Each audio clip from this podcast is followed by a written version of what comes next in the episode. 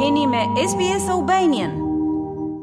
Kryeministri i vendit Edi Rama ka dhënë mesazhin e tij solidarizues nga Hiroshima e Japonisë për popullin e Ukrainës në një vjetorin e nisjes së luftës me Rusinë. Ai është ndalur dhe ka vendosur një buqetë me lule në memorialin përkujtimor të paqes duke vizituar edhe Muzeun Përkujtimor të Paqes. Rama theksoi se pas një viti të gjatë rezistence të Ukrainës nën lidershipin e presidentit Zelensky, është e qartë se Rusia nuk mund ta fitojë këtë luftë. Ai shtoi që të luash sot me fjalën bomba atomike është sikur flet për kukulla, vërtet një turp i civilizimit tonë, dhe kjo e bën edhe më të rëndësishme mbështetjen për Ukrainën dhe mbi të gjitha vendosmërinë e secilit që ka respekt për dinjitetin njerëzor, lirinë dhe vlerat e demokracisë në mënyrë që e shkuara të mbetet e shkuar dhe çdo përpjekje për ta kthyer të shkuarën të dështojë me turp, tha Rama në mesazhin e tij. Edhe presidenti i Republikës Bajram Begaj ka ndarë në Facebookun e tij një mesazh për popullin e Ukrainës, duke thënë se Shqipëria do të vijojë të mbështesë këtë popull me shumë vendosmëri. Në takim me drejtuesit e departamenteve të Partisë Demokratike, kryedemokrati Sali Berisha ka dhënë udhëzime dhe i ka motivuar me besimin që ka për fitoren e asaj që ai e quan revolucion. Gjatë fjalës së tij, kryedemokrati është shprehur se Partia Demokratike do të vijë në pushtet vetëm me votën e lirë dhe ka shtuar se do të zhvillojë një revolucion paqësor duke përdorur të gjitha metodat e mosbindjes civile. Ne jemi në një revolucion dhe unë prap do ndalem t'u kërkoj mirëkuptimin tuaj. Kjo është një fjalë pak si e largët. Dhe jo rrallë po më thonë pse po e përdor këtë term. Unë kam mirëkuptim për ata që më pyesin, por pse e përdoru? Sepse ne kemi një regjim monist, monist, që ka vendos sistemin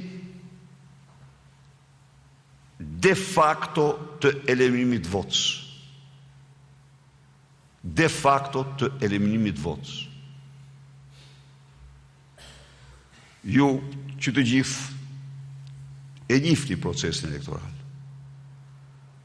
Po në qoftë se unë Kryeministër, mobilizoj të gjithë makinerinë shtetërore dhe ti drejton një forcë politike vjen matesh me mua. Unë me një logjistikë 100 herë më të madhe se tënden, me një buxhet sa buxheti i shtetit. Kjo zgjedhjet i bën fiktive, se zgjedhjet kanë një një kusht themelor, lojtarë në kushte të barabarta. Unë u dhash vetëm këtë shembull, po janë të gjitha praktikat tjera që ky ndjek kundër kundër votës së lirë, atëherë ç'na mbetet ne? Berisha mbylli fjalimin e tij me thirrjen, Të gjithë anëtarët e PD-së dhe intelektualët, të angazhohen në këtë lëvizje, në mënyrë që të arrijmë qëllimin, t'i dalim zot vendit në një moment kritik. Çdo intelektual kurrë nuk duhet të harrojë se thelbi është një rrezik më i madh, kështu që të bëjmë gjithçka të afrojmë çdo vlerë dhe të shkojmë të sigurt drejt një fitoreje të këtij revolucioni që do të jetë fitore e shoqërisë shqiptare.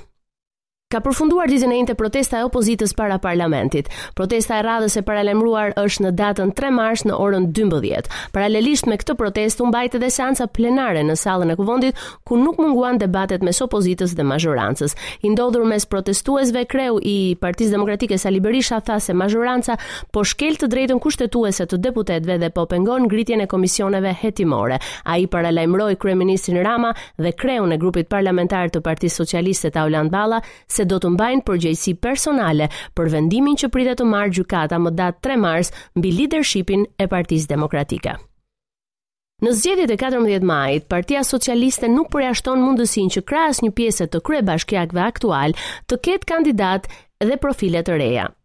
Sekretari organizativ i Partisë Socialiste, Blendi Klosi tha se edhe mazhoranca mund të përzgjedhë kandidatura për kryetar bashkie nga radhët e deputetëve të saj.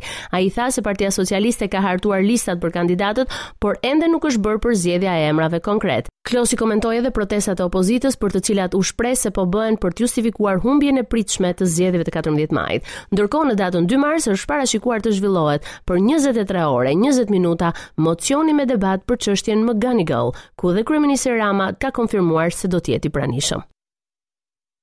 Kandidati i demokratëve për kryetar të Bashkisë së Tiranës, Belind Këlliçi, ka marrë pafajësi të plotë nga gjykata pas denoncimeve për krime zgjedhore në fushatën elektorale të vitit 2021.